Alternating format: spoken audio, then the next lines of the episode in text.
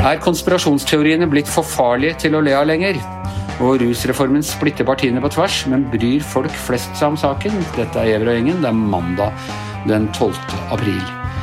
Ja, øh, Hans Petter Sjøli, det står ikke til å nekte for at du og jeg av og til har hatt det litt moro når vi har snakket om konspirasjonsteorier på jobben. Ja, kanskje litt for moro, egentlig. Ja. Eller altså, Det er mange rare konspirasjonsteorier. Mange av dem har vært alvorlige nok i en historisk kontekst. Den aller mest alvorlige selvfølgelig om eh, konspirasjonen av jøder og, og bankere, som, som, var en sentral del av nasjonalsosialismen. Men det er altså mye sånn rart. Hvem drepte Kennedy? Eh, bor det nazister på Nordpolen? Eh, sånne rare, litt sånne hva skal si, alternativbevegelsepregete ideer om hvordan myndighetene skal lure folk, som har vært har vært ansett som relativt harmløse. Ja, og mange av dem er jo harmløse også. Det er jo, mye av det er jo, er jo sånn åpenbart tull. Mye av det er jo kanskje litt sånn hu, litt humor også blant enkelte. At man har liksom laget seg sånne, sånne forestillinger. Men, men det er når når det begynner å Vi har jo sett de siste årene at, at den type tenkning eh, er på frammarsj. Eh, og særlig kanskje under koronaen også, da folk har litt bedre tid og sitter foran eh, PC-ene sine og, og, ramler ned i det ene kaninhullet etter det andre, så, så er det lett at det kanskje blir at man på søken etter svar på en del kompliserte ting kan kanskje ramle ned i sånne hull som, som der, det, der, det, tilbys svar som, eh, som, eh, ja, er litt skumle. Man har sett f.eks. i USA med denne QAN-teorien, med med denne varsleren som kalles for Q, da, som opptrer på det som heter 8chan, 8kun. At veldig mange har falt for den teorien da, om at det er en slags elite som, som sitter og styrer bak, som, som er både satanister og pedofile. Så, så det, det, er mye rart uh, for tida. og uh, Internett er jo en, en gullgruve, men også et, ganske skummelt, et, ganske skummelt, sted. Og, altså bare For å forklare dette med kaninhullet. Det er fra Alice i Eventyrland, er det ikke det? At hun følger etter denne kaninen ned i gjennom et kaninhull og havner i, i den baklandet. Ja, når du er på nettet, så kan du plutselig havne du et sted, så klikker du på en lenke videre, og så er du plutselig på et helt annet sted enn du var i utgangspunktet. sant? Men altså, mye uh, konspirasjonsteori er jo i utgangspunktet hva skal vi si, legitim uh, maktkritikk. Det starter jo gjerne der. ikke sant? Så man snakker om hvem, hvem har interesse av uh, den og den politiske utviklingen, lobbyister for ressurssterke organisasjoner eller økonomiske interesser. Men det er jo på et eller annet tidspunkt når man da bikker over, og rent konkret nå I Norge så går det altså på uh, motstanden mot dels uh, koronavaksine og dels koronatiltak. Og det er to mennesker nå. Den ene Hans Gaarder, som var leder for dette nettavisen Nyhetsspeilet, som var liksom et samlested for mange typer konspirasjonsteorier. Som har holdt et, et eller annet møte, seminar, fest, jeg vet ikke hva, i en låve på Hadeland hvor han antagelig selv er blitt smittet, og han øh, døde med denne smitten. Og da er det en kvinne til i 70-årene som også var der, og som døde. Ja, og det viser jo at, altså at konspirasjonstenking da, i sin ytterste form da, tar livet av folk. Det er jo, det er jo nå vet vi jo ikke helt 100% hva som har skjedd, og om, om man dør med eller av, av virus og den slags, men, men, det viser jo bare at, eh, at vi er nå midt inne i en, en farlig pandemi eh, med et farlig virus som har tatt livet av eh, flere millioner mennesker, og, og at det er ikke tidspunktet for å drive og ut prøve å liksom utfordre de, de, der sannhetene i samfunnet. Det, det, er farlig, ikke minst for dem sjøl, det ser vi jo, men også farlig fordi de kan bidra til å, å spre smitten ut blant folk, da, fordi, blant eh, vanlige folk. fordi det er jo sånn med, med de her at de har jo på den festen oppe på den låven så har det vært sånn visstnok at de ikke ville ha fortalt videre om hvem som var der, og hvilke smitteveier videre. Og, og de som har da blitt ramma av det, har heller ikke tatt imot hjelp fra, fra helsevesenet. Så, så det er jo det er veldig tragisk, eh, hele situasjonen. og Det viser jo også at konspirasjonsteorier ja, det, det, Mange av dem kan vi le litt av og ha litt gøy med, men mange av dem også i sitt ytterste form da, kan være veldig veldig tragiske.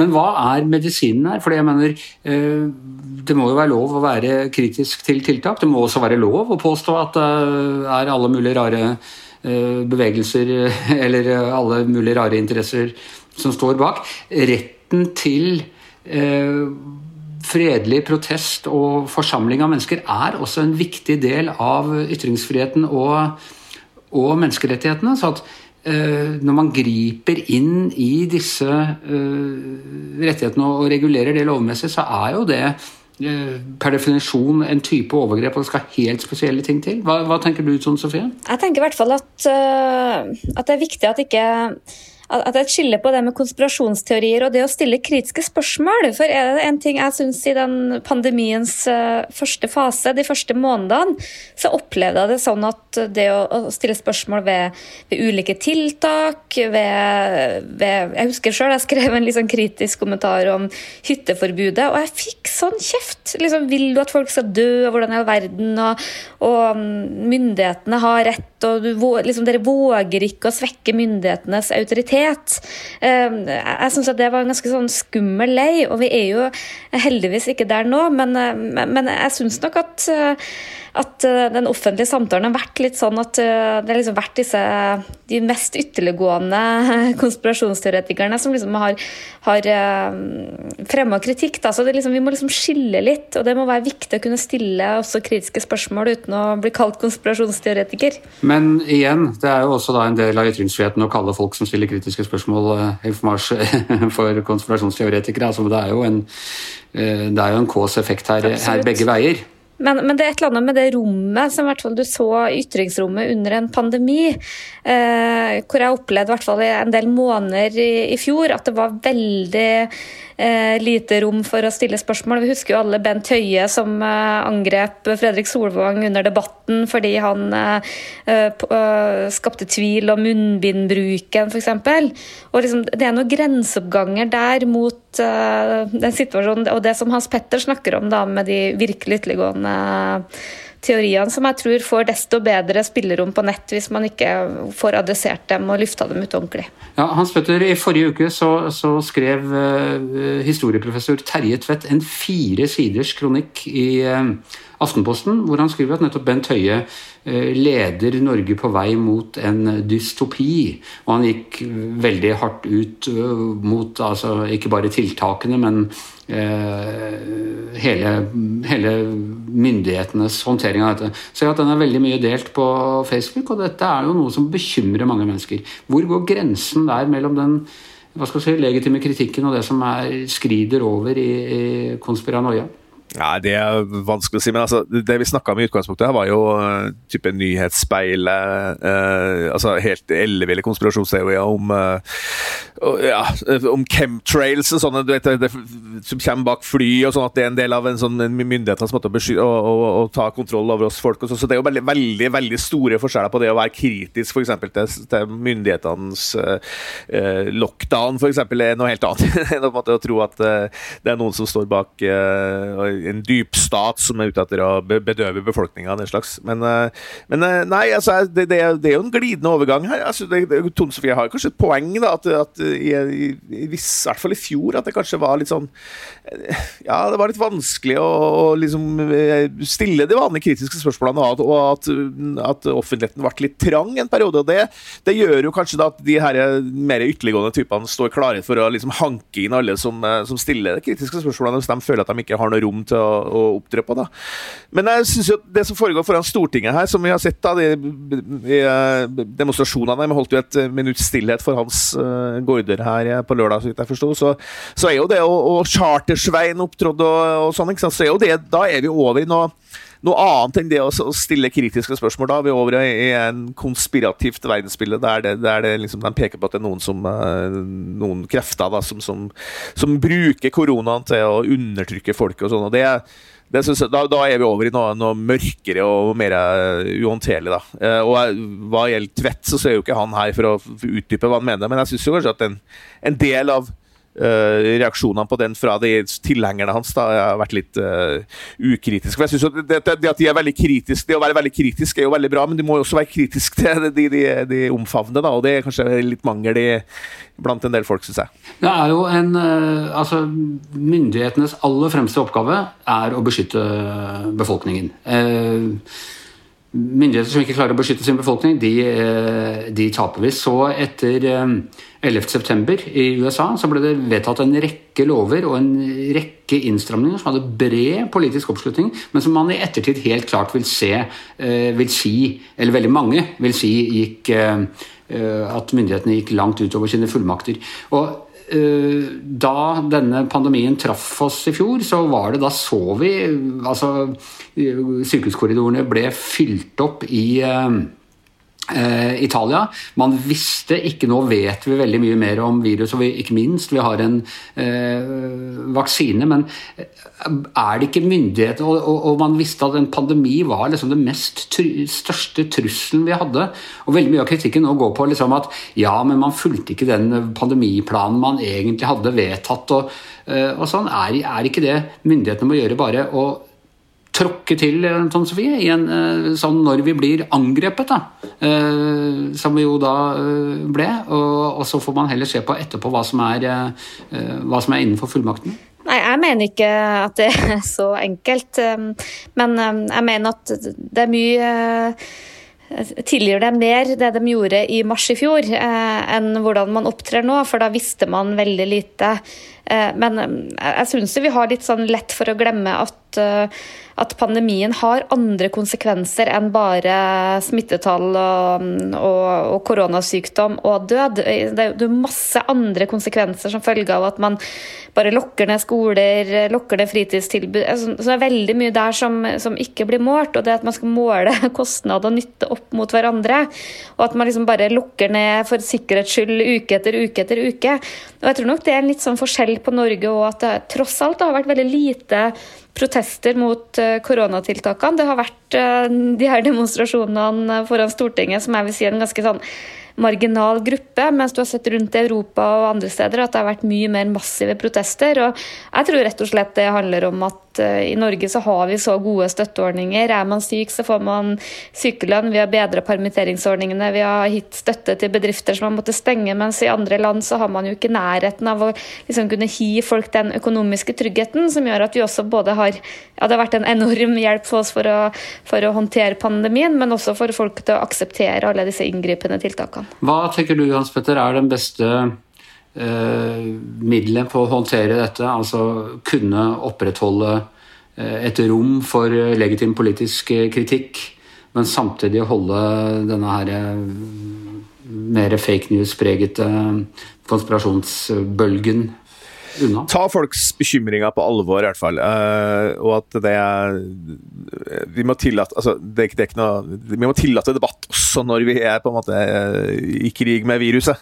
Det er ikke noe, det, det, og det, jeg syns det er gått sånn rimelig bra. Men så må vi i møte med, med det helt outrerte tingene her, sånn som på en måte de, de vi snakka om i starten, som, ikke, som, nekter å innse at det er et virus, eller syns at viruset er bare tull, eller noen sånne ting, så må vi, så må vi kanskje slutte å le av det. Slutte, vi må ta det på alvor, vi må snakke med dem, argumentere. Eh, det er jo en del folk som har gjort det. Wasim Sahid og andre på, på, som har liksom tatt seg tid til virkelig å gå inn og, og, og liksom komme med kvalifisert motstand. Og det må vi bli flinkere til også i pressen. Og, og jeg syns kanskje at vi må i likhet med kanskje sånn som det var i en del år på 2000-tallet, før terrorangrepet i 2011 også, hvor vi skygga banen på en del sånne undercurrents på nettet, da, så, så, må vi ta det her på alvor. Det er mange som, som ikke leser mainstream media, men som holder seg til nettet og, og, og sånne ting. Og det, og det bør vi på en måte ta på alvor. Vi bør, vi bør, ikke le av det, vi bør ikke skygge banen. Vi bør stille opp og, og diskutere med dem. Jeg synes jeg, jeg, jeg tenkte jeg skulle bare gi litt ros til faktisk.no, den eh, sida som har blitt oppretta. De har faktisk tatt denne her på, her på, virkelig på alvor og gått gjennom de konspirasjonsteoriene og tilbakevist dem eh, eh, veldig grundig. Da, og Det syns jeg er, er forbilledlig journalistikk. Men, men, men det må aldri bli sånn nedlatende heller. De, de må måte, vi må forstå at det her er sånn som han Jon Færseth, som er en av de journalistene som, som følger dette nøyest, sier at det er i ferd med å bli litt smånist, det hele. Og det, det tror jeg vi skal ta på alvor, alle som en. Ok, eh, Vi skal snakke om en annen sak som også splitter folket, men kanskje ikke, i, eh, ikke griper eh, så langt ned i folkedypet. Det er rusreformen. Forslaget altså, til en rusreform fra regjeringen som innebærer bl.a. legalisering for, for bruk og besittelse av mindre kvanta eh, narkotika. I dag så hørte vi på Politisk kvarter eh, at uh, dette splitter Arbeiderpartiet nå før landsmøtet. Tone Sofie, du og jeg snakket jo om her rett før påske hvordan det splittet Fremskrittspartiet. Det har splittet Kristelig Folkeparti. Det er uenighet i Senterpartiet. Det er i det hele tatt den type spørsmål som virker som det ikke egentlig følger de vanlige politiske skillelinjene. Nei, den gjør nok ikke det. det akkurat uh, eh, KrF splitter den nok ikke, men uh, den, den, gjør det veldig vanskelig for KrF, for den er veldig uenig med, med regjeringa, og de har vel gått ut og ja. uh, opp, oppfordret Den splitter regjeringen, var det jeg mente å si. Selvfølgelig. Ja, og KrF har jo gjort det veldig uortodoks å gå ut og heie på opposisjonen i denne saken. Og det er vel egentlig bare ett parti som har vært særdeles fornøyd, og det er Venstre som har vært i lykkerus, bokstavelig talt. For å ha fått gjennom en rusreform, men eh, det virker jo ikke akkurat som Og det skal de få lov til nå eh, med den nye rusreformen, å befinne seg i lykkerus? Ja, Vi får nå se hva slags skjebne den får, da. For det, de får jo ikke Fremskrittspartiets støtte, og heller ikke Senterpartiet. Så er jo nå litt opp til Arbeiderpartiet den videre skjebnen. Og som vi alle har hørt, så er jo splittelsen i Arbeiderpartiet er like sterk internt der som uh, ja, kanskje tverrsnitt av eh, befolkningen. Og, og det, er ikke, det, er jo ikke, det her at, eh, at eh, rusmisbrukere skal få helsehjelp istedenfor straff. Det er veldig etablert rundbaut. Men det er jo det her med særlig blant unge, om man skal rett og slett bli straffa, eller om man ikke har tro på straff som virkemiddel. Hva tror du, Hans Petter, er dette også en sånn by mot land-type konflikt, eller er det som veldig mye av skillelinjene i politikken går etter nå, eller er det en annen type eh, motsetning? Det er i hvert fall et anstrøk av by og land. Det, det er jo ikke noen tvil om at uh, i Oslo har det jo vært veldig stor støtte til reformen, også i, i partier som egentlig er mot den. Både Frp og til og med Senterpartiet har jo folk i Oslo vært for rusreformen. Og, det er også Oslo Arbeiderparti, og der er, veldig, der er det jo stor Og i Bergen også, så vidt jeg fikk med meg, så, er det mange som er veldig for, mens utover i landet det er det veldig mange som er imot. Så det er jo det er en by-land-dimensjon. men om det er det som avgjør det, det vet jeg jo ikke helt, da. Men det, det som har hengt meg opp litt med den rusreformen, er at vi har jo publisert ganske mye stoff rundt det, men det virker som det er ganske lite interesse for det liksom ute i det brede lag. da, At det er en debatt som har blitt overtatt av skal vi si, ytterpunktene i de, de, som er veldig for, og de som er veldig imot. Og så er det en stor eh, masse i midten som, eh, som kanskje syns det er vanskelige spørsmål å ta stilling til. og Derfor så blir det litt, litt sånn lite respons når vi deler ut saker om det. Tone Sofie, Hvorfor er dette så vanskelig? Vi har ført en ruspolitikk nå siden midten av 60-tallet som har gått ut på forbud, straffe selv folk med mindre kvanta og uh, brukere. Den har ikke nyttet. Hva er det store tapet ved å legge om på dette? Hva tror folk liksom er at de risikerer? Hva er worst case scenario? Nei, eh, For å forenkle veldig, så, så tror jeg at mange er redd for uh, Først for politiets rolle. Jeg tror det er liksom uh, det, det, er litt sånn at de ikke skal ha verktøy nok til å slå ned og forebygge. Og hvis man ikke ungdommer får noe straff for å bli uh, tatt med narkotika, så vil det på en måte føre lukt inn Eh, den veien. og Derfor er jeg egentlig litt overraska over at eh, det ikke i hvert fall tilsynelatende er mer uenighet internt i Høyre. For er det et parti som eh, har vært opptatt av politiets rolle og alt det der, så har det vært det partiet. og Der virker det som at de har liksom latt Bent Høie få kjøre den saken. Men det andre er jo, i hvert fall sånn jeg opplever det, rett og slett en sånn to helt ulike syn på, på, hva som skjer med unge hvis de får um, tilgang på rus. Og så er det jo også et litt komplisert spørsmål, for det, det, er jo ikke sånn som man kan få litt sånn inntrykk av at uh, du har liksom de glade Eh, festbrukerne som har ukompliserte liv, og så har du de tunge misbrukerne som alle er enige om at skal få hjelp. Det er jo noen glidende overganger der. Og hvordan man skal liksom sette de grensene der, tror jeg det er veldig sånn ulikt syn på da. Og det virker i hvert fall på meg som at det er særlig ungdomspartiene og en del av disse storbylagene hvor det er mye eh, Hvor rus er liksom en stor del av samfunnet, hvor, det, hvor de ivrer mest for den legaliseringa. Og så er det jo sånn selvfølgelig at ingen av, uh, ingen av skolene vil løse problemet. Uh, fortsatt restriktiv uh, narkotikapolitikk vil ikke løse problemet, det vet vi gjennom 50 års erfaring, men, eller 60 års erfaring, men samtidig også at om en full legalisering vil heller, heller ikke gjøre at folk slutter å ruse seg eller bli narkomane og få, få rusproblemer. Og så hørte vi jo Tore Sandvik i Arbeiderpartiet i dag brukte det i hvert fall som sånn argument Uh, hva produksjon av narkotika betyr uh, eller har av implikasjoner negativt. Og vi liksom brukte det veldig som et argument at alt det som liksom, uh, lager det markedet, kan vi på en måte ikke tillate. Da. Men kan jeg si, Det er jo ikke snakk om noen legalisering her. Det, det, narkotika skal fortsatt være forbudt. Det skal være forbudt, og, Men det er bare at man avkriminaliserer bruk av bitte små eh, kvanta. Da, og at man går fra straff til hjelp.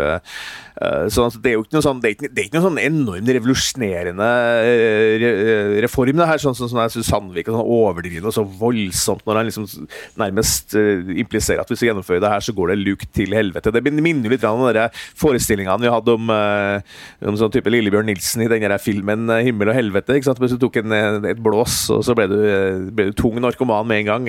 Og Det er litt rart at Tore Sandvik, som kommer fra hjemmebrentbeltet i, i Norge, er så livende redd for en, for en, litt, for en litt, annen type rus. Da. For det, du ser jo så internasjonalt, f.eks. i USA, at, at legalisering, eller altså, tillatelse av bruk, i hvert fall i, i, mange delstater har blitt mer vanlig, og det ser den over i Europa også, så det er vel den veien egentlig det går, da, på et vis. Ja, det er jo en viss parallell, skal ikke sammenligne, men til uh, prostitusjon òg, ikke sant. Skal man uh, forby alt, eller skal man tillate noe. Det er jo liksom det ene og det andre er jo det som hvert jeg hører de anfører hele tiden som et argument, er at greit, det er egentlig ikke lov, men så lenge man ikke får en slags straff for bruk, hva er da poenget, liksom? Eller da, da da sender man jo på en måte veldig sånn uklare signaler. Da. Helt uh, kort til slutt, uh, Tone Sofie. Nå er det uh, landsmøte i Arbeiderpartiet til helgen hvor de skal behandle det.